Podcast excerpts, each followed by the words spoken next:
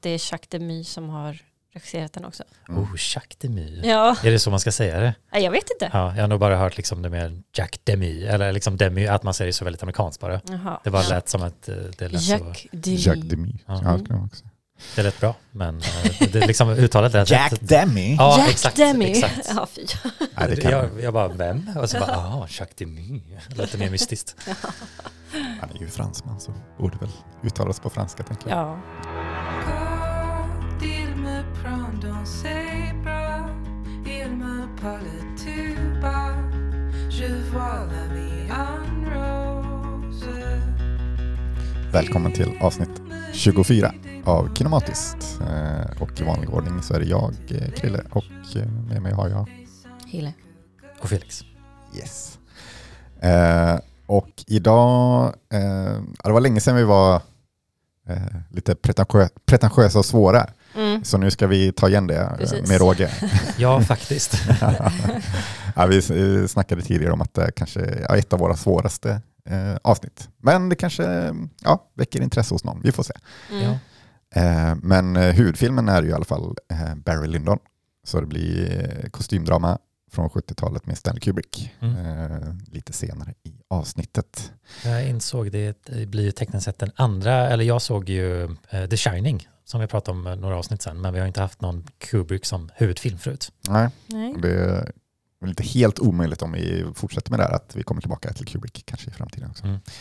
Ehm, men vi börjar med lite andra filmer som vi har sett. Ja, Eh, Felix, ja, du kan väl köra, köra på? ja, en film som man kanske inte nödvändigtvis hört talas om om man inte är inne i filmvärlden, men Jim Jarmusch, inte debut tror jag, men liksom lite breakout hits. Jag, jag tror han hade gjort någon 1980, men han gjorde det 84, Stranger than Paradise, som jag trodde först var hans debut, men sen så när jag läste om det, bara, ah, nej det var inte det, utan han hade gjort någon 80 där. Men av de här filmerna, nu har jag i och för sig inte sett eh, Tango eller den du kommer att prata om, eh, Hille, som jag glömmer namnet på just nu, vilket jag ber om ursäkt om, eh, så är den ganska lätt. Den är 84 eller 89 minuter tror jag, och inte så mycket händer. Och det är typ, den är enkel att se på, men den är också kanske lite tråkig. Mm. Eh, men det är också lite det som jag kom in på som är lite nice med den. Var inte det exakt samma med, du pratade ju om Jim Jarmusch nyligen också. Ja, men eh, alltså Only Lovers Left Live pratade jag om en annan gång Ja. och den har ju lite den samma ton också, men jag tycker de är ganska skilda åt, men det känns ju som att han typ försöker upprepa vad han har gjort i den här filmen. Mm. Liksom han, lite, Mm. han har det lite som signum på något sätt. Eh, och man förstår, eller jag tycker den, den här filmen gör det bättre på ett sätt. Jag tror det finns andra aspekter av Only Lovers Left Live jag gillar mer, men den är ju också en sån här hangout-film.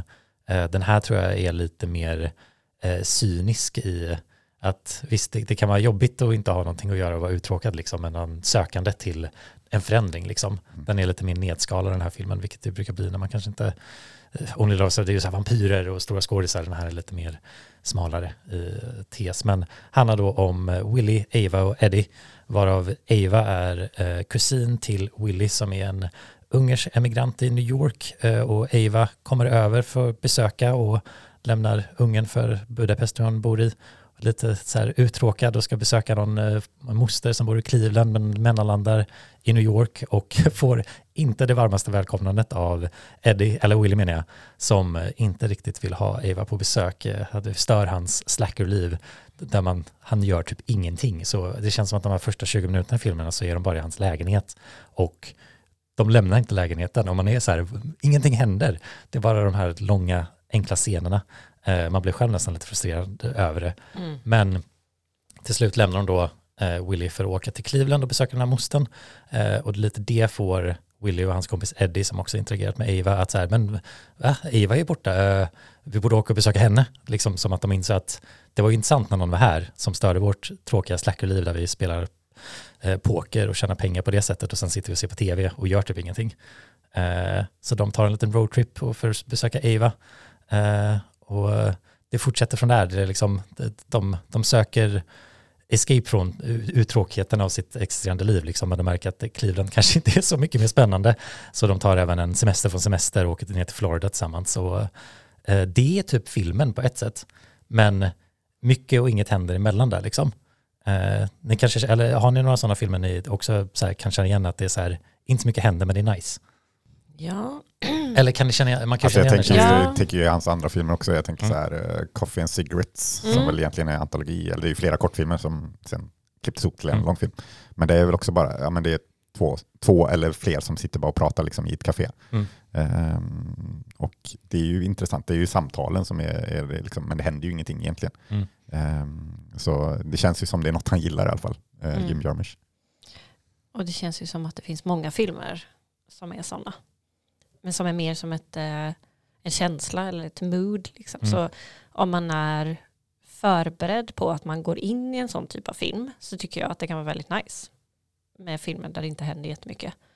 Eh, men om man inte är beredd på det så kan man ju bli väldigt frustrerad och bara, åh gud Ja. vilken tråkig film. Jo, men jag fick de här, de här de första 20 minuterna som sagt, där var jag lite så här satt och liksom, för de var verkligen bara i hans lägenhet och typ s- filmen är eh, ganska få långa tagningar med en väldigt statisk kamera så det är väldigt lite som händer rent filmmässigt liksom. Det är liksom bara typ så här svarta fade-outs och så kommer de upp och så sitter de i en annan del av lägenheten Mhm. och har tråkigt tillsammans. Mm. Men sen så när de väl börjar lämna så är det som att man säger, åh, äntligen händer någonting så att Mm. det blir nästan lite meta att man själv är lite på deras nivå av att jag vill göra någonting liksom. Så det känns väldigt tillfredsställande när börjar bara åka på liksom, en bil i 70-talets New York och det är typ svartvitt foto, ser lite grimy ut och liksom, han är ju ganska bra på liksom, liksom vara lite cool i sin estetik liksom och Mm. att man inte så eh, kan uppskatta bara att det, det är enkelt men ganska väl valt.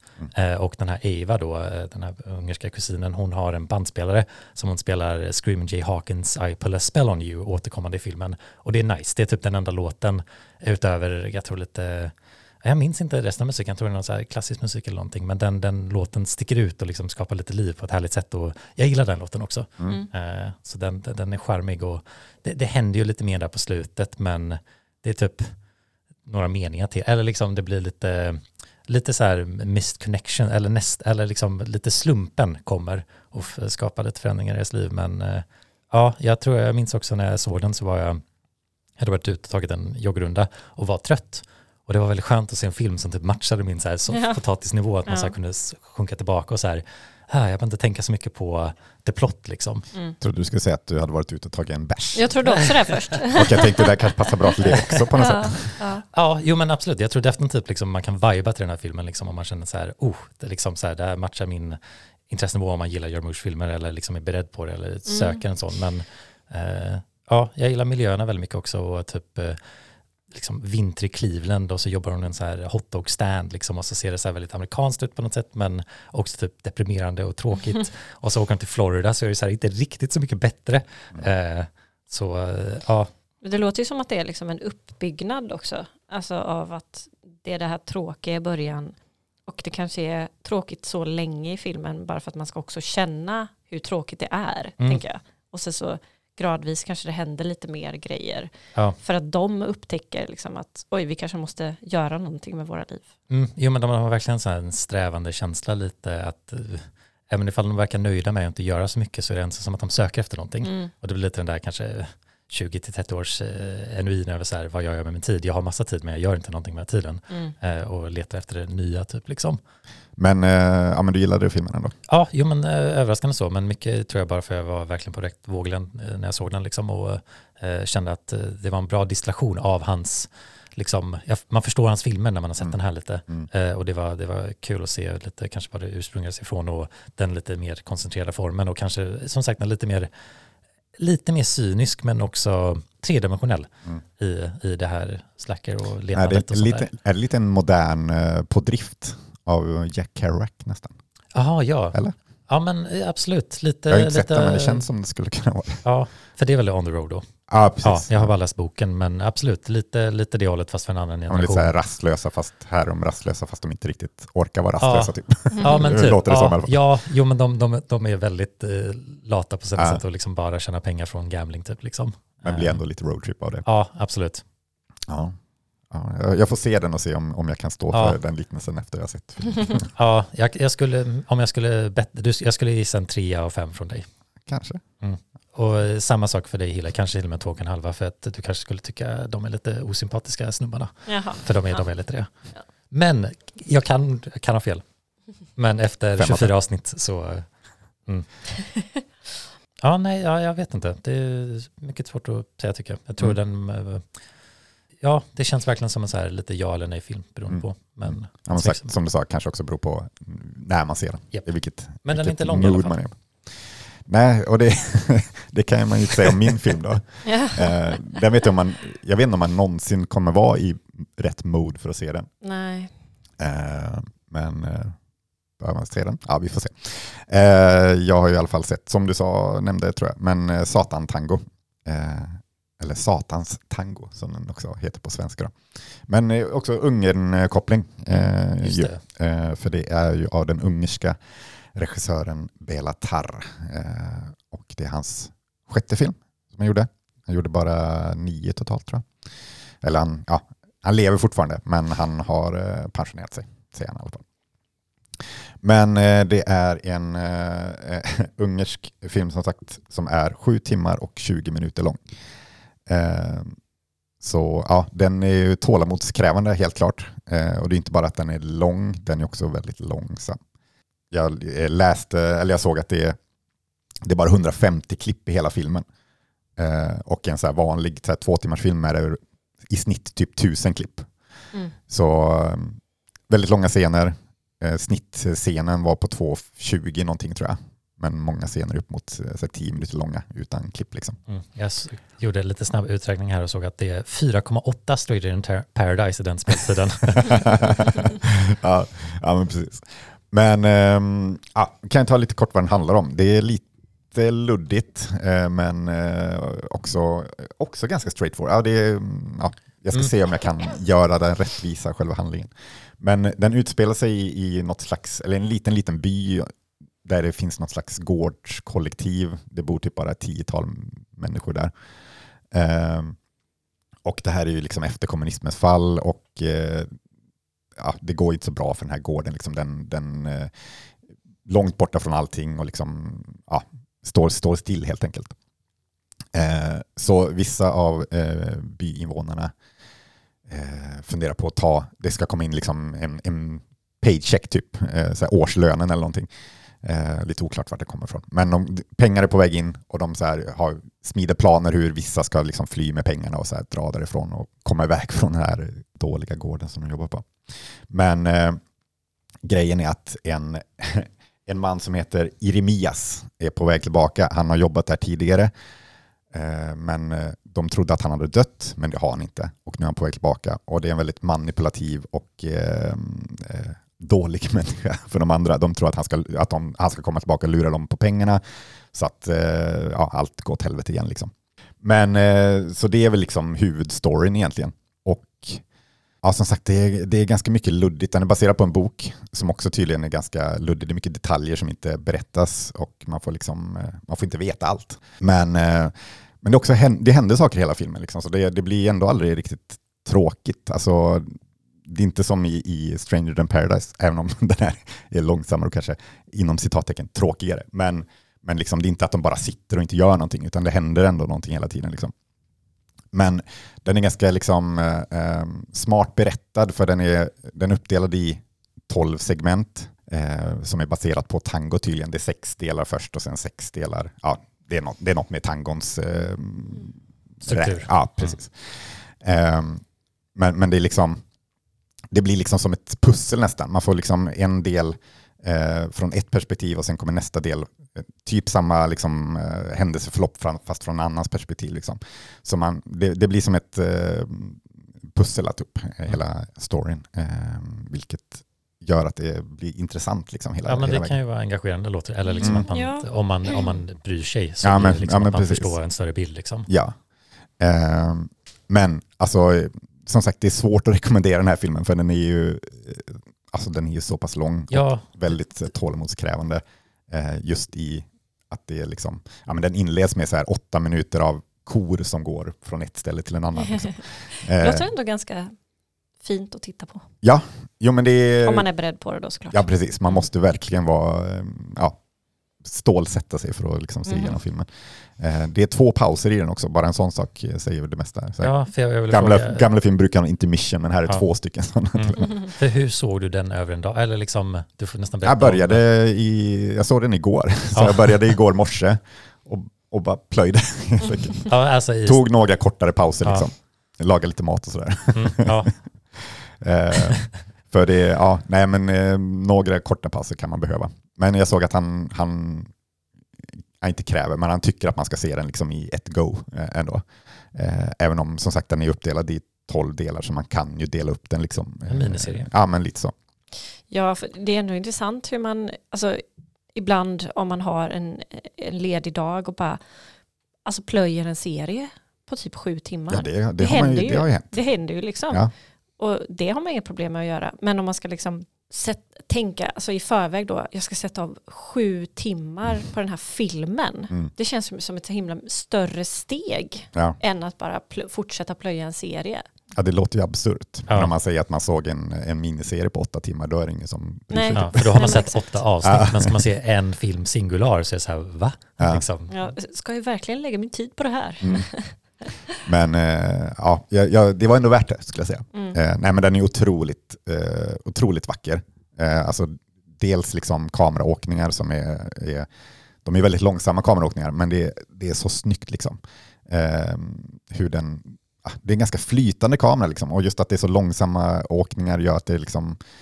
ehm, Förlåt, är den också i svartvit? Ja, den är svartvit Ja. också. Precis. Ehm, nej, men det, det blir liksom, vissa scener tänker man så här, det, det måste ha varit ett klipp i den här. För det, är liksom, den, den, det, det går så långsamt, men helt plötsligt är man någon helt annanstans i ett rum. Liksom. Ehm, som man, ja, det blir väldigt flytande allting liksom, Mm. på, på ett väldigt bra sätt. Mm. Ehm, och, men, och det är så intressant också att det är så snyggt, men allt är så jäkla skitigt. Det regnar hela filmen. Eh, för det är precis på hösten och så här, nu kommer regnet, ja nu kommer det regna fram till våren och ja, det regnar liksom hela filmen. Eh, och det är bara så här skitigt och lerigt överallt och liksom, eh, ja men som sagt den är svartvitt, men det känns som den är i färg, men att all färg har sugits ut liksom. Ja, Det, är ja. liksom, det känns som det, all, allt är grått liksom. Mm. Och det, ja, jo det är klart det är svartvitt, men det känns verkligen grått liksom. Mm. Eh, så det, det är liksom, ja, det, det är en väldigt så här nedtonad pessimistisk film. Liksom. Eh, alla mår ganska dåligt. Liksom. Eh, och ja, mycket misär bara. Mm. Och sen, eh, den har blivit, det finns en eh, väldigt hemsk scen eh, där en, en katt eh, torteras tyvärr. Eh, som har fått liksom, ja det är kontrovers kring den scenen, men han, han har försäkrat om att det fanns veterinärer på plats hela tiden. Katten dog inte, det var, liksom, det var lugnt. Men vadå, sorterades på, på riktigt? Nej, alltså den, Det, är ju, den kan ju inte skådespela, den, antagligen. ja, Mm. alltså det, det, ja, det ser inte jättebra ut, Nej. men eh, den mådde bra tydligen i alla fall. Så Mm. det, ja. Eh, men det, det, var, det var en eh, jobbig scen hos det, det måste jag Mm. säga. Men annars, Det hade ju nog inte jag gillat. nej, jag tänkte när jag såg den, okej, det, det här hade, nu hade Hille gått därifrån. Typ. Ja. Men eh, i, i övrigt eh, så, eh, ja, inte så upplyftande direkt, men, men inte lika hemsk. Mm. Ehm, Men har du försökt se den här förut? Jag tänker det, det känns som en sån klassisk film att så här, den ska man se någon gång och så hör man, Ja. för man, man kan ju höra talas om att det är en sån lång film att det får det ryktet om sig att man nästan kanske, det, det är det enda man vet om den typ liksom. ja, men Vi precis. har ju skämtat om det här i flera år. Ja, Ja, det här har liksom varit så här vårt stående skämt att ja, ikväll ska vi se en film, vad ska vi se för någonting? klockan ja, är tio, ska vi verkligen se en film? Ja, men vi kör Satan Tango. Ja. Men eh, ja, nej, så det har ju blivit, ja, i alla fall internt för oss, ett Ja. skämt Mm. eh, om att den är så lång. Liksom. Ja. Men nej, jag har inte försökt sett den tidigare. Eh, Belatar har ju varit en, en eh, regissör som jag, många filmer som jag har velat sett. De som följer oss på Instagram har väl sett att jag är mitt i ett Belatar-maraton, eh, där jag håller på att kolla igenom alla Bella Taraton. Eh, men så, ja, det var nog i och med, för den här är typ topp 30 tror jag på Sight and Sounds lista eh, över bästa filmer. Eh, så det var att eh, den, den här var näst på tur som jag skulle se, för jag tänkte försöka se igenom dem på topp 50 som jag inte har sett tidigare. Eh, och när jag såg att den här var näst på tur, då tänkte jag, ja men då, då går jag igenom alla hans filmer. Liksom.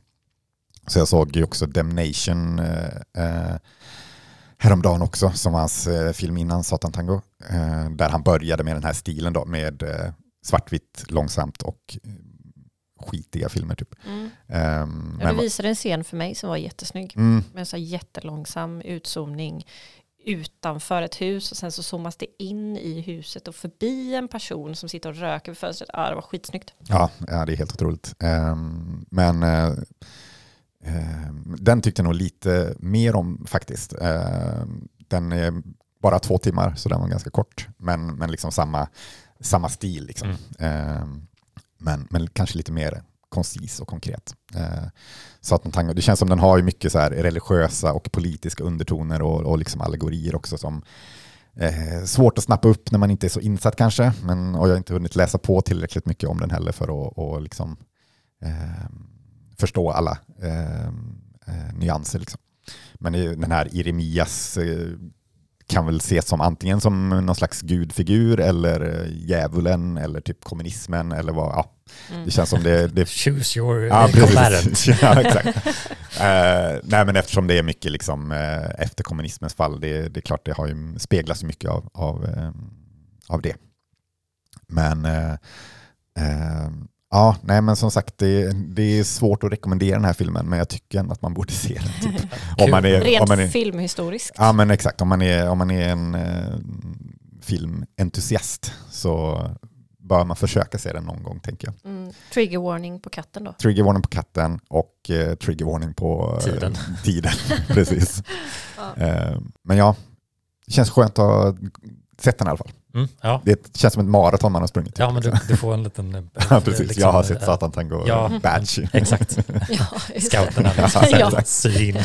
Ja. Varför inte det en scout? Kul idé ändå. Det kanske man borde skapa på något sätt. Någon slags så här badge-system för filmtittarna. Ja, Ja. speciellt för... Cineastscouterna. Ja, exakt. Och en speciell kategori för de riktigt långa filmerna. Mm, precis. Mm. Det är jätteroligt.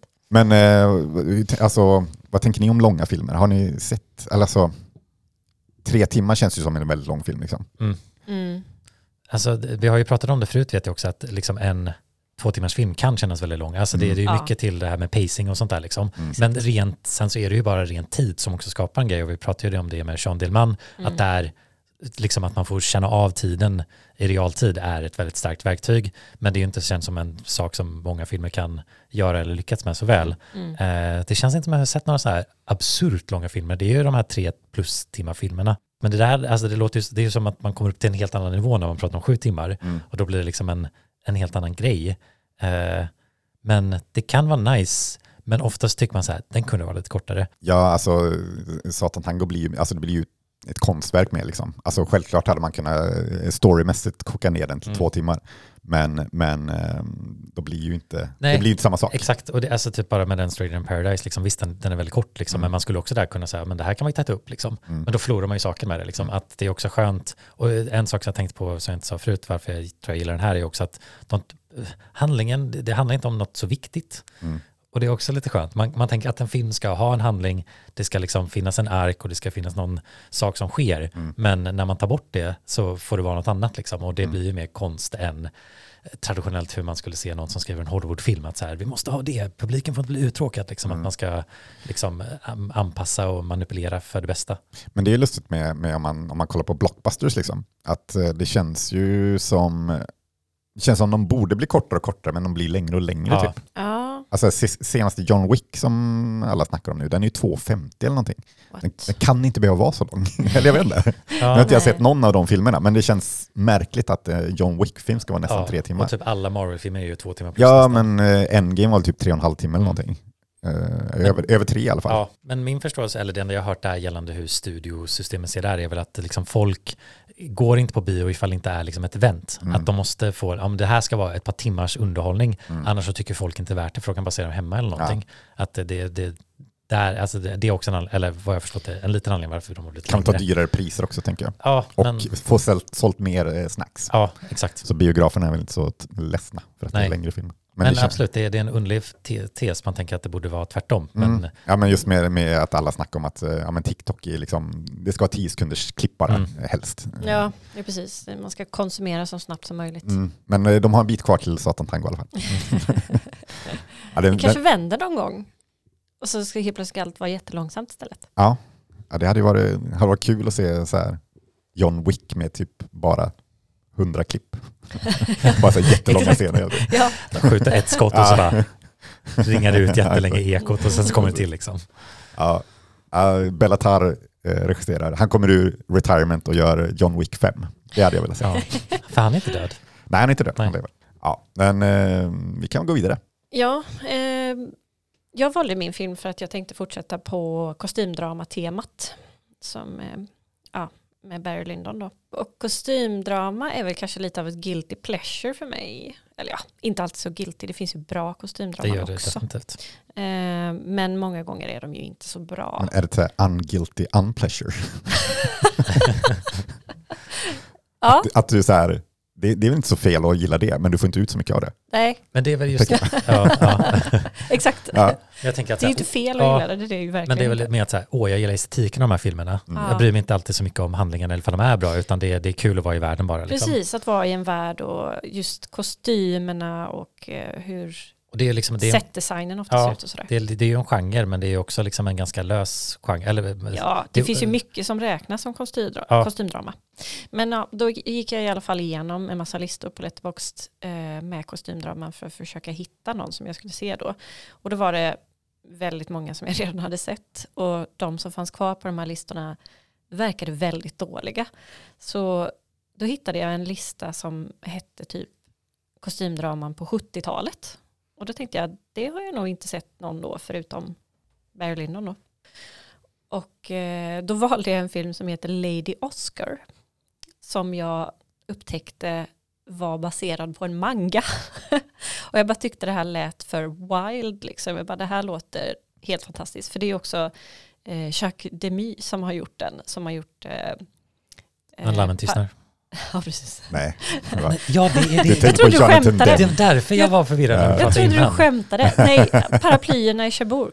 Ja, ja. Och eh, Flickorna från flickorna från Ja. Rockford. Ja. Men det var han jag tänkte på förut. för Ja, just- ja, ni vet då förstår jag din, eh, Ja. din Ja, ja, ja. uttalningsförvirring. Ja, nej.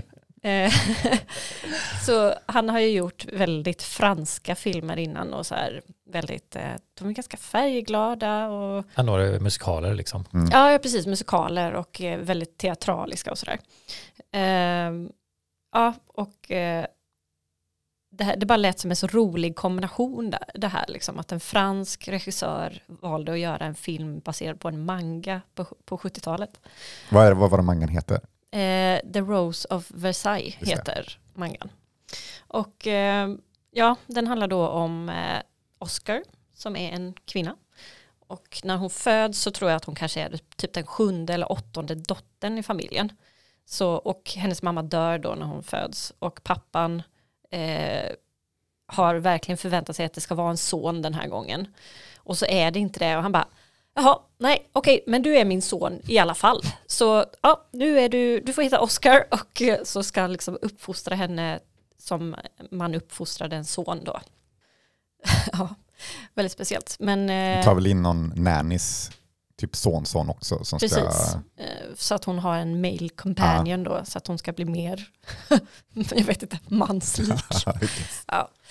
Eh, men allt är väldigt camp, alltså det är liksom underhållande och överdrivet teatraliskt och ja, väldigt överdriven överlag liksom. Och kostymerna är ju väldigt så här, ja men det är ju 1700-talets Frankrike och allting är väldigt så här lavish. Eh, men ja, hon växer upp i alla fall och så får hon en position i eh, Marie Antoinettes guard då. Så att hon blir någon slags här överste, vad säger man, överste, Ja. Vaktbefäl. ja, Ja, någon slags vaktbefäl eh, för Hennes henne personliga liksom, garde typ. Ja, och sen handlar det liksom om eh, hur hon dras mellan det här livet då och hennes liksom lojalitet mot kungafamiljen versus hur hon ser, börjar se att Paris svälter och hur den här killen då, nu har jag glömt vad han heter den här karaktären som hon växer, eh, växer upp med då, Ihop med. han växer ihop med. Eh, han följer ju med dit eh, men får jobba i typ stallet och får vara någon slags chaufför och sådär. Och eh, ja, hon dras mellan de här två världarna kan man väl Mm. säga då. Och den har väl blivit lite, den har väl fått viss spridning som någon slags queer-ikonisk film. Ja. Men den känns generellt ganska bortglömd och liksom missad. Den borde ju få ännu mer. Ja, Eh, Eller alltså, det känns konstigt att det inte är en kultfilm. Liksom. exakt. Det känns som att ehm, ja, många har missat den här filmen. Mm. Det, det, känns, eller ja, det känns ju som den är väldigt mycket liksom, kring gender fluidity och sånt. Liksom. Ja, det skulle precis. kunna bli ehm, ja, Ja, en ikonisk eh, film i sådana kretsar. Exakt. Ja, det skulle den verkligen kunna bli. Ehm, och ehm, ja, man tröttnar ju lite på det överdrivna skådespelet ibland. Eh, det gjorde jag i alla fall. Han som spelar, jag kommer, han som spelar Robespierre, Ja, han var så jäkla överdrivet teatralisk. ja. Han var väl i och för sig en dåre också, alltså Ja. original Robespierre, men, eh, men var lite väl, ja. lite väl stirrig blick från han som spelade ja honom. jag tyckte också Maria Antoinette kanske var lite överdriven ibland. men eh, det kanske hon var också. Det vet man I inte. guess. Ja. Eh, men ja, väldigt fina miljöer och rolig film ja, något sätt. Och men det kanske är det jag annorlunda. tänkte om att den är lite humor, har humor, att den kanske inte får det här kultstatuset lika lätt liksom.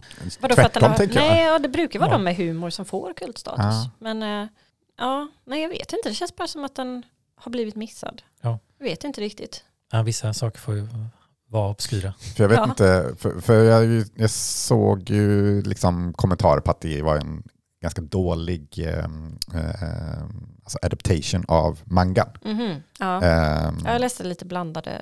ja, ja. ehm, men, men för jag, jag funderar på, jag vet inte om du har sett något om det, men hur, hur mangan, vilken status den har i queer-kretsar typ. Mm, det vet jag faktiskt inte riktigt. Men det känns ju som att det, det finns ju ganska många manga och Mm. mm. animes som har liknande teman. Mm. Alltså det är någon, en kvinnlig karaktär som klär sig som en man och som de flesta tror är en man och så blir det liksom drama kring det. Det blir lite Orlando-vibbar också. Ja, ja men precis. Det var lite det jag tänkte på också när jag läste om den. Mm. Eftersom jag gillar Orlando så mycket så lät det väldigt intressant. Ehm, ja, nej, så tips till alla. Den är lite svår att få Svår tag tag på. på. Mm. Mm. Det gör ju också mycket ifall folk ser den. Liksom. Ja, att det, ingen, det, det blir någon movie-släpp eller någon Mm. streamingtjänst. Liksom, som Nej, jag såg folk som visa. hade liksom bestä- fått beställa typ hela boxen med eh, Jacques Demis verk typ för att Mm. kunna se den. Det så beställt till biblioteken Ja. och sånt där. Jag tänker hans andra filmer är ju väldigt kända. Mm. Så Ja. att eh, de kanske tar fokus. Liksom. Exakt, det känns som att de Det gör känns det. också därför den borde kunna få lite Ja. spridning eftersom den ändå är en känd Mm. regissör. Liksom. Ja, Ja, som sagt, när man läser att okej, Jacques Demy gör en film på engelska om franska revolutionen baserad på en manga. ja Det det, bara så låter märkligt. bara så wild att man Ja. måste se det. Men var det en wild ride? Ja, lite. Kunde varit vildare, Jag tänker jag. det kunde varit vildare. Eh, såg folk som skrev på Letterboxd, eh, Letterboxd eh, not gay enough. Och- Känns som alla filmer får den kommentaren, Ja, oavsett. Ja. Men det känns verkligen också som så här äldre filmer liksom, som har queer-teman. Så här, det, det är lite brödsmulor här och där. Liksom. Det Ja, brukar aldrig liksom blossa ut riktigt Nej, fullt nej. ut. Kanske några undantag. Så är det ju verkligen. Ehm, och visst alltså, om man ska vara rent, alltså, rent objektivt så är den ju inte jättebra. Men den är bra för att den har de här märkliga elementen och att det liksom är något annorlunda. Och, Unikt. Mm. ja, precis. Något knäppt liksom på något sätt. Ja, men eh, Hille, du som är kostymdrama-experten här, har du Nej, någon, har, verkligen inte. har någon snabb topp tre-lista, dina favoriter? Ja, ehm, ja det, alltså Orlando måste ju vara på första då för att den gillar jag jättemycket.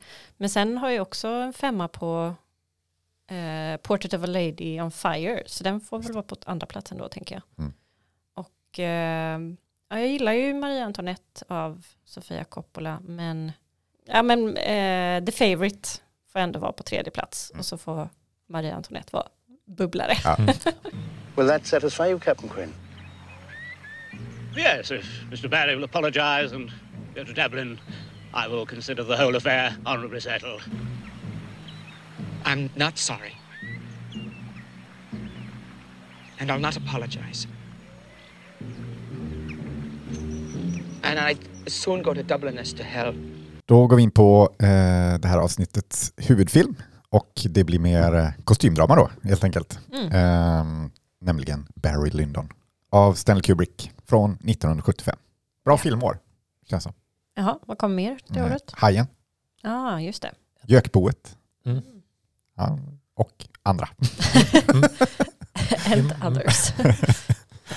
Ehm, men ja, Um, Barry Lyndon alltså. Ehm, kort vad den handlar om kanske först, eller? Sure. Ja. Sätta upp den. Det handlar om Redmond Barry, heter han va? Mm. Yes. Som är väl en...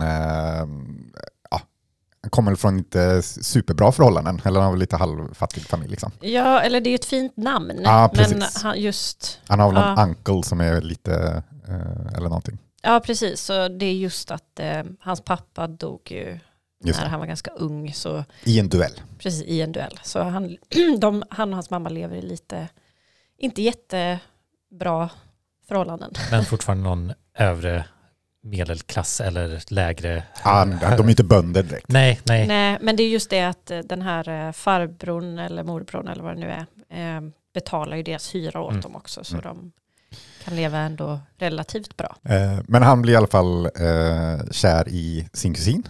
Mm. Eh, och eh, ja, tänker väl att det, det är henne jag ska vara med.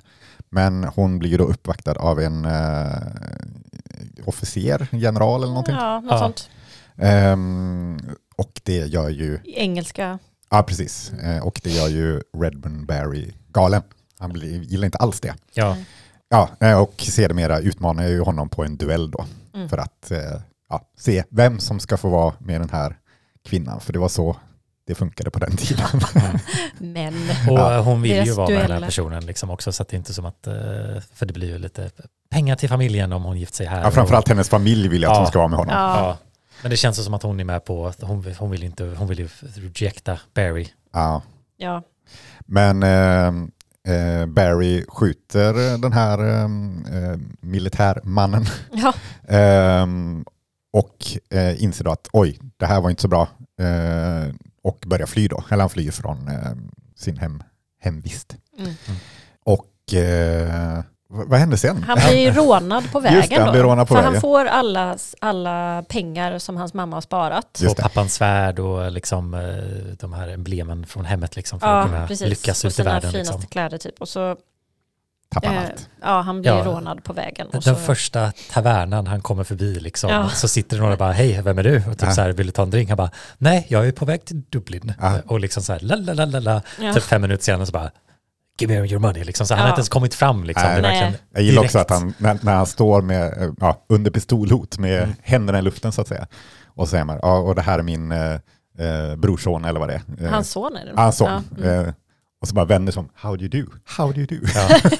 ja, det finns, Väldigt artiga mot varandra. Ja, precis. Jo, eh, tidsperiod, nu vet jag inte exakt eh, åren, men det är ju sjuårskriget i alla fall. Det är ju verkligen en tid där liksom man, man, ska vara väldigt, man ska vara en gentleman även Mm. när man är väldigt våldsam och barbarisk. Liksom, Ja. att så här, Ja. man, man eh, klär upp liksom, de här ritualerna som man måste, ja, man måste göra i liksom en hövlighet. Att Ja. Man säger how do you do till sin rånare. Liksom.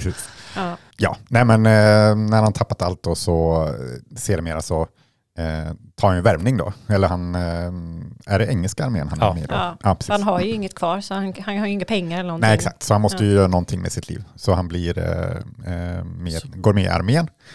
Och eh, sen eh, flyr han från armén. Eller han, han blir en desertör. Han Eh, tröttnar på det. ja, exakt. Och snor någon eh, en generals kläder för att liksom, Ja, få lite diplomatisk immunitet som någon budbärare. Liksom. precis. Mm. Man kan ta sig igenom fiendelinjer oberörd. Exakt. Eh, men det gör att han till slut hamnar i den preussiska armén. Eh, för de tar in honom som gäst först men inser att han är ju inte den han utger sig för att vara. Eh, men ja, får ändå en plats i den preussiska armén. Ja, mycket är ju hur Barry bara ramlar in i saker Ja. exakt. utan någon större plan. Precis. Eh, men sen, sen formar ju sig, det är väl egentligen halvvägs in i filmen nästan, Ja, så formar ju, formar ju hans plan att gifta sig rikt då. Eh, för han, eh, just det, han flyr från den preussiska armén med en, eh, en engelsk spion. Mm. Eh, Irländsk spion. irländsk spion, precis. Som han får, han får uppdrag att och liksom spionera på honom, men sen... eh, Blir dubbelagent. Liksom. Ja, precis. Eh, Så, så flyr de tillsammans istället från, från Preussen. Då. Ja, Jag tänkte att det är ju typ del ett, filmen har Ja, sen två precis. delar liksom, men det är ju baserat på en bok också. Exakt. Eh, och, Den eh, välborne Barry Lyndons memoarer. ja, och Precis. har ju en berättarröst eh, igenom också. Mm. Men han blir ju då Barry Lyndon genom att han eh, träffar en, en kvinna eh, som är, när han träffar henne så är hon gift med en gammal gammal rik eh, adelsman. Eh, men sedermera så tar han ju den mannens plats Mm. och blir Barry Lyndon eh, istället. Ja. Så ja, det mm, berättar mycket för att komma till liksom, Ja. att han blir titelkaraktären. Men, eh, Men- det, ja, Mm. Den är ju verkligen uppdelad liksom typ så här resa, resan uppåt till Mm. att bli Barry Lyndon som är ett bättre namn än vad han har. Mm. Och sen så The Fall. Ja, Liksom. precis. ja, men det är ju verkligen en typisk sån eh, from rags to riches typ Mm. och sen from riches to, eh, jag vet inte, despair. Ja. Eh, nej men, eh, alltså jag tänk, det, är typ, det är typ samma film som Boogie Nights typ. Alltså att så här, försöker göra sitt namn, sen får man lite så här, när man väl får lite makt och lite liksom status, då Så- använder man inte det på ett bra sätt Nej, och så går det bara precis. ut för liksom. Så ja men det är en, en ganska, det känns som en biopic fast det är inte en biopic. Men det är liksom där från ingenting till status och sen eh, fallet efteråt. Mm. Man har Och- sett det förut. Ja, och filmen säger ju det nästan i början. Liksom. Ja. Den har en del ett och en undertitel och så Mm. lite, man förstår att det här kommer ungefär ske. Och del två är ju också liksom att så här, the rise and fall of Ja, Barry precis. ungefär. Liksom. Mm. Eh, så att det, det, det är ju inte så att man sitter där dramaturgiskt och bara, vad kommer hända med Barry? Liksom. Nej. Utan det är lite mer ett övre perspektiv och bara se hur han bumblar runt. Liksom, Ja, runt. precis. Och berätt, eh, med hjälp av berättarrösten så förstår man ju väldigt tidigt att det liksom, ja, han skulle aldrig önskat sig ett bättre liv för det skulle bara bli liksom hans, ja, göra honom skada. Ja, och typ hans berättare säger också någon gång att så här, det som har gjort att Barry kan öka i klass är också hans downfall. Ja, liksom. Han är bra på att Ja. få en eh, förmögenhet, men är inte bra Kan på att behålla den. Nej. Opportunistisk Ja. ja. verkligen. och söker ju bara högre status. Precis. Mycket. Eh, Men eh, om vi går tillbaka till början lite. Ja. eh, eh, Det är ju en väldigt slående film visuellt liksom redan från start. Mm. Ja. Just med liksom naturligt ljus är den ju typ endast filmad i. Mm. Förutom det- några få scener. Mm. Okej. Mm. Mm. Eh, och det sätter verkligen sin prägel från början. Liksom, och, eh, den är ju typ, den är ju väldigt liksom, allvarlig i tonen. Mm. Men det blir ju någon lite så här eh, satiristisk blick på det också. Liksom. Mm. Att det känns ibland som en Monty Python-sketch nästan. Ja. Jo men den har, ju- alltså det känns som den ändå har en, någon slags lättsamhet i sig också, eller någon humoristisk eh, ådra i alla fall. Ja, Så ja, jag, menar, jag tycker han lyckas balansera det ändå, att det inte bara blir så här stuffed up och tråkigt liksom. Mm. Eh, ja men som sagt, den rån, eh, rånscenen är ju rätt kul och det finns Ja. andra scener som också är Ja, rätt roliga liksom. För, för han, är, han är ju så naiv på något sätt, Barry, på många sätt. Liksom. Mm. ja. Eh, men börjar ju typ bli bättre på taktisk ljuga och bara låtsas vara något annat. Typ, liksom. Mm. Precis. Eh, och jag tycker inte så den, speciellt första delen, jag tycker inte så, den var lite oförutsägbar i vad han kommer liksom göra nästa. Han liksom, det, det är inte så, det är inte en sån supertydlig liksom, det är liksom verkligen att han bara faller in på saker. Mm. Eh, och jag läste, ni kanske också såg det om att typ novellen eh, var lite så här, det, att han som skrev den lite ville visa att hur man blir rik har inte så mycket med eh, vem du är utan det handlar väldigt mycket om slumpen. Mm. Eh, Mm. och det, det kännetecknar väldigt mycket av filmen hur han bara råkar på saker liksom. Ja, ja men, eh, om, man, om man jämför då med, med biopics eller andra liknande filmer så är det ofta att man vet att den här vill bli eh, musiker, eller vad det nu kan Mm. vara. Men liksom, Barry Lyndon har ju ingen, han har ingen, inget mål direkt. Mm.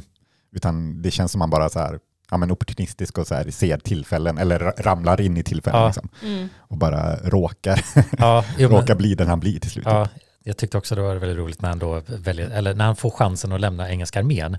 För det är liksom som berättar att säga så här, nej det här var ett dåligt kompani och de, det går inte bra för dem, det är jobbigt att vara soldat liksom. Mm. Och så bara går han iväg liksom runt ett hörn och så ser han liksom två engelska officerare i ett, eh, en sjö Mm. som verk, uppenbarligen verkar liksom så här vara älskare. Mm. Och de står liksom väldigt så här, pratar väldigt fint och vackert till varandra. Så här, Ja, du, du kommer så här- inte se mig på en vecka. Intim Och la, la, la. konversation. Ja. Ja. Och han typ står där och bara överhör, bara, jaha, han är den personen, bara, jag kan nog sno hans identitet och åka härifrån. Eller liksom, Mm. Mm. Men det är något kul också med de här två so- soldaterna, de är så väldigt eh, allvarliga i sin, Ja. sin, de är så genuina liksom. Mm. Och det blir kul den kontrasten på något sätt liksom. Mm. Eh, det är många några sådana scener i först, första delen, för att det, det är verkligen, jag tycker det är en så skillnad på del ett och del två. Mm. Ja, jo, Ja, verkligen. Framförallt i, ja, men som sagt, i första är ju ganska barnsligt naiv hela tiden. Liksom. Ehm, Men i andra delen när han börjar få status så blir han ju bara en skitstövel. Liksom. Ja, det Egentligen. känns ju som att han är en skitstövel redan från början. Jo, Men då är det lite mer så här tonårs skitstövel. Mm. Och sen blir det liksom, ja, han är ingen bra person. Han, han beter sig väldigt eh, liksom, eh, barnsligt just när då den här kusinen som han är kär i men känns också typ inte helt kär i. Det är som att Nej. i början, första scenen är det lite mer som hon som driver det och han Ja. är lite så här nej men sen så när han inte kan få henne då är det han som bara Ja. nej men va? Ja. Du ska ju vara min liksom. Ja. Så att den leken blir plötsligt mer hektisk för honom där men han är ju jätte eh, ja, han gillar ju inte den här engelska löjtanten eller soldaten som ska gifta sig med den här kusinen och beter sig som ett litet barn och kastar liksom ett glas champagne på honom. Typ, Mm. liksom. och han, ja, blir ju, han som spelar den soldaten är ju väldigt, eh, han är så pompös och typ Ja. så här stirrar Ja. superintensivt. Ja. Det känns verkligen som att så här, eh, Kubrick sagt så här, du får inte blinka. Liksom. Mm. Och han blir så intensiv på ett absurt sätt som är roligt. Liksom. Ja. Ja. Nej, bara han är ju väldigt hetlevrad. Han, är ju väldigt, han har ju väldigt lätt liksom, för att ta till våld. Och, Ja. alltså, genom Barry hela alltså. filmen. Barry, ja. Mm. Mm. Ehm, Jo, han slåss ju där med soldaterna tidigt liksom, och typ han känns lite som en mansbebis. Liksom. Ja, Mm. och liksom, men han har typ turen med sig att han, liksom, han lyckas, liksom, han blir inte nedslagen av den här soldaten som han utmanar, liksom, utan han lyckas överrumpla honom. Så det är som att han aldrig lär sig sin läxa. Liksom. Nej, att liksom, du kan inte bete dig så här bara Mm. för att det funkar. Eh, han har liksom, hans privilege som man, eller liksom så här, och lite tror att han är bättre än alla andra, funkar typ. ja, för när en hög, högre status så är det ju lättare att... eh, Kom undan med saker. Ja, men precis. För det, eller det börjar väl med att han, han och den här eh, eh, irländska spionen då, eh, vad heter han? Eh, Balibardi. Mm. Ehm, eller det är väl hans namn han tar då. Mm. Eh, men att de åker runt och liksom hastlar folk eh, Mm. mer, alltså via något kortspel. Liksom. Ja, de, de, de är som traveling entertainment till olika slott. Liksom. Ja, precis. Men, men de fuskar bara så att de ska Mm. få pengar. Men, och det är också så, eller det är ju vid ett sånt event han träffar eh, Lyndon då. Mm. Jag gillar den scenen när, när de eh, ses första gången och deras blick. Alltså det, det är liksom ingen dialog överhuvudtaget, det är bara Nej. blickarna som pratar. Mm. Framförallt hennes eh, religiösa följeslagare. Mm. Eh, när han så här in, upptäcker att de tittar på varandra och hans blick som så här kommer in i deras liksom, ögondialog eller vad man ska Ja, säga. Alltså, ja, är otroligt eh, Ja, välgjort. hans, det är väldigt välkastat, det är väldigt specifika ansikten och ögon och sen Mm. så är de ju Mm. uppklädda i den här liksom 1800-1700-talsstilen, att de är väldigt sminkade och liksom det blir mycket ögon och intensivt och partikulära ansikten på ett Mm. eh, intressant sätt. Liksom. Att Mm. Jag tycker verkligen alla runt om Barry Lyndon är intressant och välavvägda och det känns också så att de är liksom de är typ mer medvetna än vad Barry är själv. Liksom. Han Mm. är så eh, naiv om sig själv också, sin roll i de här sammanhangen liksom, på något sätt. Eh, så att de, de blir, jag tycker just sidokaraktärerna blir ett mer uppenbart komiska. Men Mm. Barry Lyndon vet typ inte att han är med i en sån film. Liksom. Mm. Det är lite kul. Ja, ja, men faktiskt. De sitter ju väldigt stilla i den scenen också. Ja, Jag läste att det var på grund av att de eh, hade ju en sån här specialgjord eh, kamera med en eh, byggd för NASA. Ja, precis. Att det liksom var en eh, med den största bländaröppningen som gjorts för film. Mm. Som 0,7. Alltså det är en jättestor bländaröppning. Där då blir också skärpedjupet, alltså där fokusen ligger, blir väldigt kort. Mm. Vilket gör att de måste sitta jättestilla, annars så hamnar de ur fokus. Och så hade de väl några så här specialgjorda ljus Mm. också. Med typ så här tre vekar så att det skulle brinna extra starkt så att det skulle lysa upp scenen. Och det var ju för att inte ha någon, eh, något konstgjort ljus Exakt, för att det skulle vara det naturliga ljuset då. Men det, ja, och det är också att man ser ju sällan filmer med så snyggt naturligt ljus som i den här filmen. Det, och särskilt när de är så gamla då. Den tekniska aspekten i filmen överlag är ju otrolig. Mm. Just Verkligen. också att every frame is a painting har väl aldrig varit så rätt som Mm. i den här Mm. filmen. Typ. Jo Exakt. men eh, det märks tydligt ja, just bara också hur stilla de är. Mm. Att liksom så här, man får se den scenen och man, så här, man förstår kompositionen är ju jätteväl avvägd. Ja, liksom, och det är ja. många scener även tidigt i början när de här brittiska soldaterna bara går och man ser den här kullen i bakgrunden och liksom allting ligger i en harmoni. Man bara, det här är som en målning. Mm. Eh, och jag hörde på en podcast jag lyssnade på att Kubrick visst så här, rev ut massa bilder från så här konstböcker för att ha inspiration liksom. Ja, ja, precis. Jag läste att det var bland annat Thomas Gainsborough Mm. som var inspiration. Största inspirationen va? Mm. Eller lät det som. Som gjorde väldigt mycket sådana familjeporträtt och sånt. Med 1700-tals människor. Ja, det, det är ju någonting tillfredsställande att se kostymdraman som är väl gjorda i, ur den aspekten liksom. Ja. Eh, och den här, ja, den är ju välgjord på så många plan. ja, För det var väl också kostymerna var väl, eh, många av dem i alla fall var ju liksom an- antikviteter. Alltså det var riktiga kostymer Ja. som de hade fått tag på. Liksom. Läste det också. Eh, inte Och- allt som det, här, som det Nej. har eh, pratats Men, om. men många, av, precis, många av dem. Och många var också uppsydda utefter målningar Mm. med de här plaggen. Då. Och det är väl, eh, Kubrick är ju känd för att vara väldigt detaljorienterad och, eh, ja, och så vidare. Så det är ju inte så konstigt att, att han gör ett bra kostymdrama så Mm. sett. Men ja, nej men eh, det tekniska är ju som sagt otroligt. Och, eh, men eh, vad tyck, du som inte gillar att se filmer med eh, rövhål i, Ja, som jag skulle huvudkaraktär. fråga det här. Ja, Hur känner du kring det? Alltså, Alltså, det störde mig inte lika mycket som jag kan störa mig i andra filmer. Mm. För just i den här filmen så fanns det ju ändå en berättarröst där man liksom fick veta redan från början typ att det här är ingen bra person. Mm. Ja, Alltså, du ska inte sympatisera med den här nej, liksom. precis, man ska inte, eller fast ja, delvis vill de nog ändå att man ska Man det eftersom att han, lite- Mm. eh, på grund av hans downfall Speciellt sen då. första delen liksom. Ja, eh, så det, det är lite, ja, det är lite otydligt där egentligen tycker Mm, jag. mm. Men ja, som sagt, jag var ändå beredd på att han skulle vara ett svin. och då blir det på något sätt lättare att kolla på det. Ja, men jag tänker också att det blir ju, känns ganska tydligt som ett karaktärsporträtt bara. Ja. Alltså att det inte är någon värdering i liksom hur han, Nej. vad han gör eller inte gör. Exakt. Utan det är mer bara så här, okej, d- så här var han. Ja, precis. Eh, sen kan jag tycka att det är lite jobbigt ändå att Ja, kolla ja. på osympatiska karaktärer för länge. Som Ja. sagt, som jag redan har nämnt flera gånger, att jag inte gillar att vara för länge i en osympatisk persons värld. Ja, och den här filmen som vi inte nämnt, den är ju över tre timmar. Mm. Men precis över tre timmar. Så Ja. det är ju en lång film och den har ju en sån här intermission då mellan de här delarna. Eh, så jag själv tog också en sån här paus, gick och duschade och såg resten liksom. Så det Ja. var det 90 minuter kvar liksom. Mm. Eh, Ja. Skönt. Nej, men ehm, in, jag är ju inte jätteförtjust i den här person, alltså Barry Lyndon själv då, men jag uppskattar ju den här filmen väldigt mycket på grund av just det tekniska. Att den är som en, som målningar liksom, Mm. som en målning. Och ja, jag är ju som sagt svag för kostymdraman Ja, och den är också, miljöerna och kostymerna. Ja, och, inspelad i Irland, England och Tyskland. Och det Mm. känns som att det är många miljöer som man typ aldrig sett på film förut. Eller liksom, jag tycker den känns ganska unik i sitt porträtt av så här gamla slott och sånt där. Liksom den, den känns inte så familjär i sitt eh, kostymdrama. Delvis för att det, det känns som att mycket utomhus, det är en del slag och typ slott. Liksom, det är inte så mycket, kanske mer andra delar, men det är inte så mycket interiörer. Mm. Utan det är mer utomhus på något sätt. Liksom. Eh, och jag tyckte det så kändes kul att få eh, känna att det var andra delar av Europa liksom, som jag kändes nya. Liksom. Ja, men eh, det är lite lustigt också. Eller den blev ju inte någon stor succé när den kom. Den vann fyra Oscar, eh, men, men blev ingen kassasuccé direkt. Eh, men har ju vuxit i efterhand. Och det känns som många av Kubricks filmer gör det. Mm. Eh, för det var ju därför han gjorde The Shining efteråt också såg jag just för att ja, men då får jag väl göra en film som Mm. folk går och ser då. för det här gick inte så bra. ja. Men jag läste också att han var ju tvungen att välja någon som var eh, en skådis som var populär Mm. just då. Som Just det. var på någon slags topplista över bästa skådisar just då. Mm.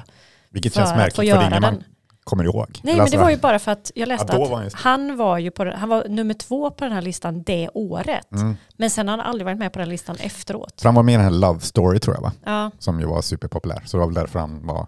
precis. Han som spelar Lyndon Mm. alltså. Ja, Men han Så- är ju ökänd för att vara en skitstövel, alltså som person. Jaha, Han var jätte, alltså, jag har inte läst någonting Nej, om det honom. jag hörde på podcast och han var visst eh, taskig mot dem som han eh, jobbade med, mm. både liksom, kanske lite bättre on-set men värre ej. Så han hade typ till exempel om hon som spelar Barry Lyndon som är typ någon modell tror jag. Ja, hon som spelar Mrs. Lady Lyndon. Lady, Lyndon, ja. Mm. Han typ sa i New York Times liksom när filmen släpptes att ja, hon var ju typ så här lite fnissigt dum och typ tråkig att jobba med. Men för fan. Ja, han, han var genuint Ja. liksom det, ökänd kanske, för att det, kanske är, det kanske finns en anledning då. Ja. varför Att han inte, inte- varför inte ett Ja. namn man kommer ihåg. Japp. Exakt. Eh, det ska som sagt varit en riktigt tråkig person att jobba med och bara taskig. Mm. Hans irländska är ju också riktigt dålig. I vissa scener så pratar han ju med irländsk brytning. Andra scener låter han jätteamerikansk. Mm. Jag störde mig så mycket på det.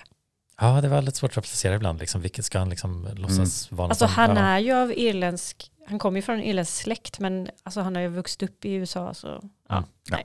Ja, ja. Det var inte jättebra. Det var dåligt. Ja. Men som sagt, han fick ju välja honom. Det var mest för att få filmen gjord typ. ja, Så behövde han göra något för att Mm. plisa studion. precis. Eh, Men det är, det alltså, som sagt, vi kommer kanske komma in på Kubrick någon annan, något annat avsnitt också. Det finns ju en del filmer att prata om. Men det, det är ju, alltså, varför jag kanske trots allt håller honom som den bästa genom tiderna är just att han är så, eh, han har sån mångfald i sina filmer. Liksom han gör kostymdraman, han gör skräck, han gör sci-fi, han gör eh, dystopier, han gör liksom eh, humor. Eh, alltså han gör allt. Mm. Eh, och, men ändå ha sin prägel på det.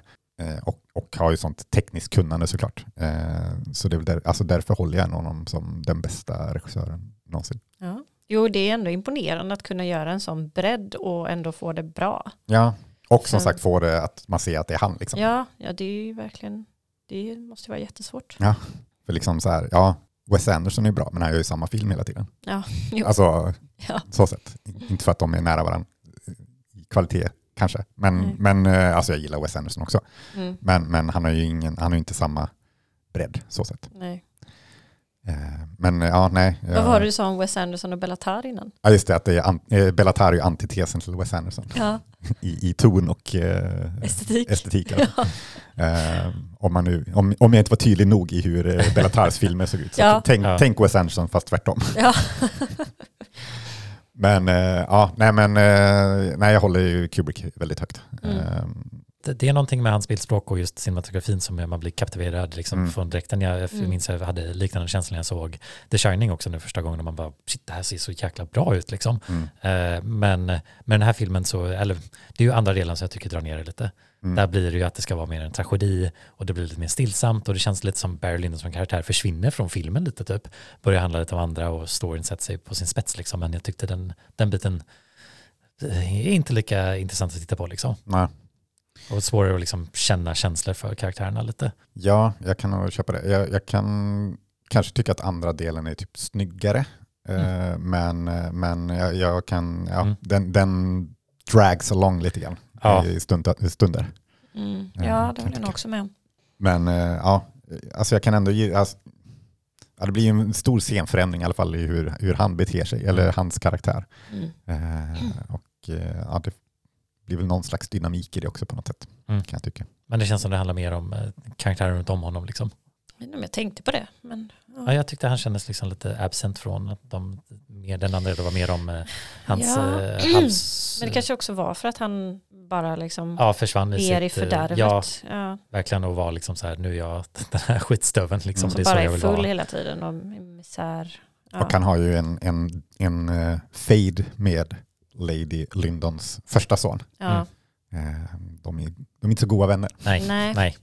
Men den, den slutar ju också lite på att, eh, ja, vad heter den alltså, när det stannar till. Ja, freeze frame. Och Freeze det- frame. Jag tänkte faktiskt eh, nämna det. Jag hatar när de gör så för jag tycker det är så himla fult. Ja, Det, känns väldigt 70-80-tal att bara så här sluta med någon slags freeze frame och så är det alltid fel på Ja. något sätt. Ja, att det det, är ju det verk- ser skevt ut och passar inte. Mm. Ja, nej, jag Det är tycker, ur filmens bildspråk, liksom. den har inte gjort något liknande innan Nej. på typ två timmar och 50 minuter och så plötsligt kommer en freeze frame och så här, aha, jag tycker oj. att det känns så B med freeze frames. Men jag på tycker det är en lite kul freeze frame dock liksom. Mm. Att liksom han böjer sin, eller liksom bara, Ja, nej, jag vet inte. Jag tycker den... ja. Ja. Nej, det gillar jag inte. Ja, där kan jag ändå tänka att det funkar. Eller jag stör mig inte så mycket på det. Men för det, för det är väl när Lady Lyndon och, eller det, han går in är i en- carriage. det är han, är det Barry som går in? Ja. Ja, okej. han har ju varit i den här duellen, förlorat benet eh, till slut och sen ska han böja sig in i den här och så blir det att vi inte kan följa honom längre. Men eh, jag, jag gillar inte så lite slutslutet, liksom att det blir den här tragiska och sen så den epilogen där med liksom typ Som bara är en text. Ja, men ungefär liksom att typ så här döden så är vi äntligen alla lika liksom Mm. ungefär att det blir det, filmen har, handlar ju väldigt är liksom dragen av klassresa och liksom eh, hans eh, han får ju lite slängd emot sig att så här du är typ irländare Mm. och du liksom din familj är inte så väl och han, han får ju den liksom strävandet han är liksom eh, han kan inte vara nöjd med sitt liv liksom det känns som att han var fördömd och Vill få upprättelse på något sätt. Ja. Eller, vet inte. Ja, för han, Mm. andra delen är ju också att han söker att bli en sån här lord Mm. så att han kan liksom behålla sin förmögenhet. Mm. För han, han lever ju liksom eh, på grund, eller via eh, Mrs Lyndons pengar liksom och Mm. hennes signatur till allt han vill köpa liksom. Mm. Så det blir hans strävan där som inte leder någon vart liksom. Nej.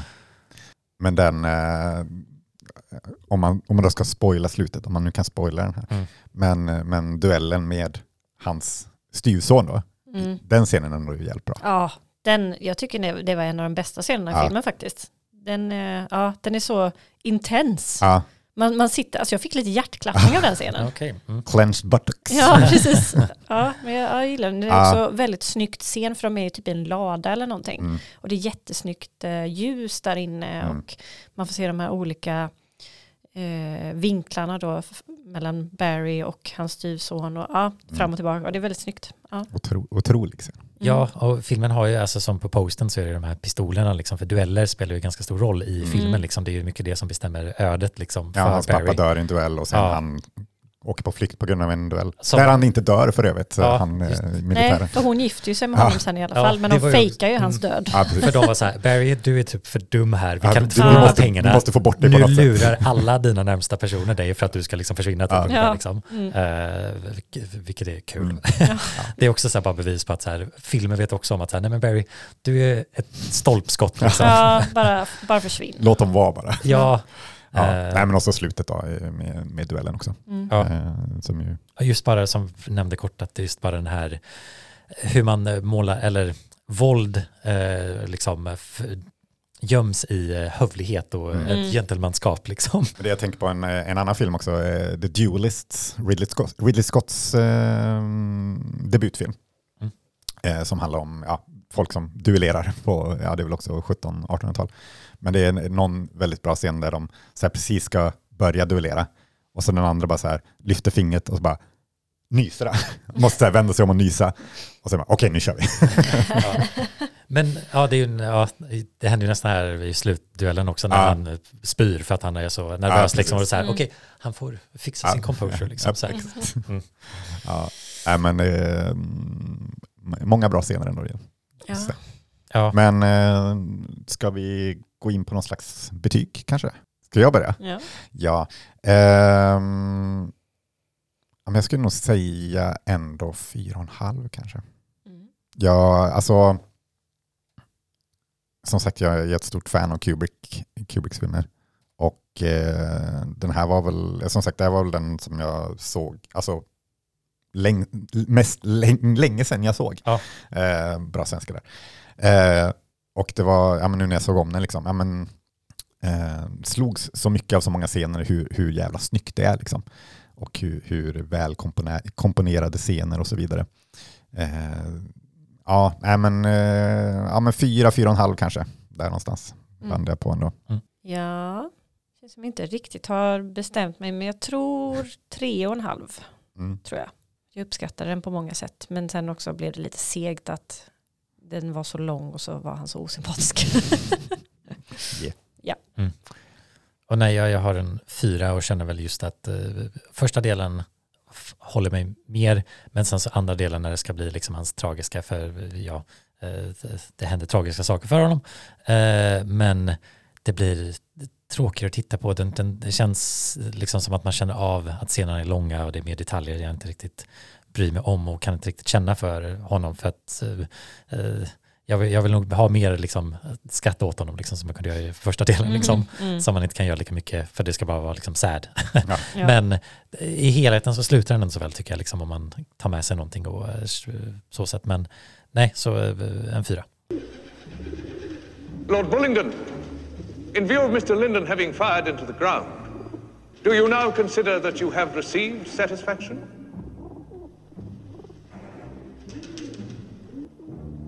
I have not received satisfaction. Yes, men med det så eh, avslutar vi som vanligt med en av mina listor. Och eh, med tanke på att det har varit ett eh, vad ska man säga, svårt tema på, på podden ska vi liva upp med lite dans. För det är, det är ändå dansscener i alla filmer, Mm. eh, trots allt. Eh, Alla filmer, alltid. Nej, men ja, som jag pratat om Ja. idag. Ja. Eh, har, har någon slags dansscen. Så jag, skulle, jag tänkte lista de fem bästa eh, dansscenerna eh, i film. Och det kanske, det blir ju inte liksom så här eh, koreograferad dans. Det blir inte alla Step It Up. musikal. Nej, precis. Bring it on. Ja, bring it on. Ja. eh, så, så det blir kanske lite mer eh, alternativa danser, om man ska säga. Eh, men vi börjar då med femte plats. Du nämnde den här när vi pratade lite innan. Men Napoleon Dynamite Ja. får ändå vara med där. Det är, väl, det är ju en väldigt ikonisk dansscen Ja, när. Napoleon eh, ska dansa för att Pedro ska bli vald som eh, skolpresident. Mm. Och han står ju där i sin eh, ikoniska Vote for Pedro-tröja och sina eh, boots. Ja. Men ja, ikonisk eh, dans eh, och eh, en bra scen. Och kanske en film som vi kanske kommer återkomma till i något avsnitt framöver. Maybe. Vi får se. Eh, på fjärde plats så blir det lite konstigare. Det är från filmen Dogtooth av Yorgos Lantimos. Där, som handlar ju om en eh, märklig familj eh, som håller sina barn inlåsta på sitt, i sitt lilla hus. Typ. Eh, ja, märkligt på många sätt. Och eh, märkligare blir det ju när de två döttrarna i familjen ska eh, ha en litet, ett litet dansuppträdande. Eh, och ja, i sann Lantimos anda så är det bara bisarrt och konstigt. Men bra. eh, minnesvärt om inte annat. På tredje plats så har vi Eh, Godards film Band Apart.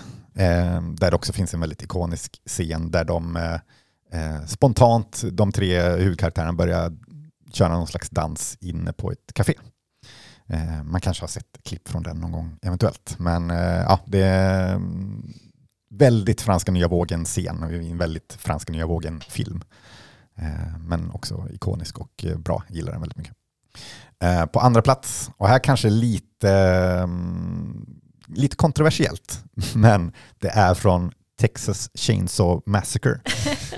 Eh, slutscenen där, när eh, de få överlevande från det här huset lyckas fly eh, och eh, Leatherface då eh, springer efter dem.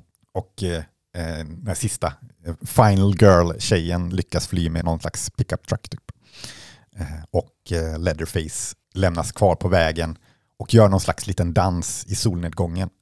Eh, och om man söker så står det så här Leatherface Death Dance eller Chainsaw Dance. Så jag tycker ändå den Just räknas det, som nu en vet jag dans. vad du menar. Ja. Eh, kanske en av mina absoluta favoritscener genom alla tider. Älskar den scenen så mycket. Eh, men det finns en dansscen som är ännu bättre. Jag tror jag vet vilken det kan vara. Eh, det är från eh, den franska filmen Beau Travail. Exakt vad det är jag tänkte på. Eh, och jag vill inte säga för mycket om den här scenen, Mm. men eh, det finns en eh, dansscen på slutet till Rhythm of the Night som är, ja den är helt otrolig. Helt otrolig Mhm. dansscen. Ja, har inte Så ehm, kolla filmen och häpnas över den fantastiska slutscenen. men det är den klart bästa dansscenen i filmen. Har du något ni vill tillägga? Nej, jag tänkte ju på Napoleon Dynamite. Jag visste inte att du skulle ha med den. Nej.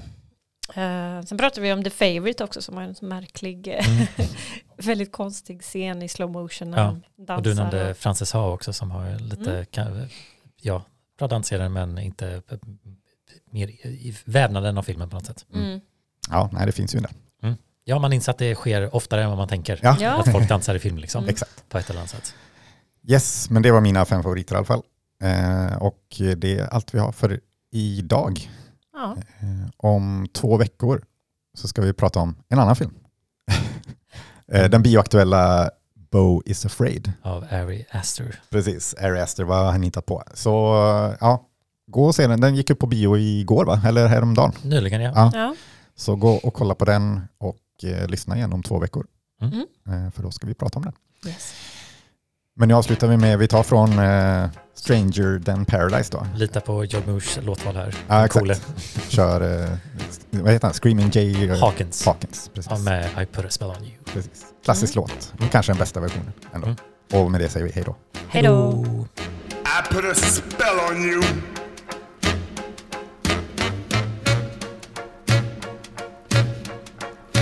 Because you're mine.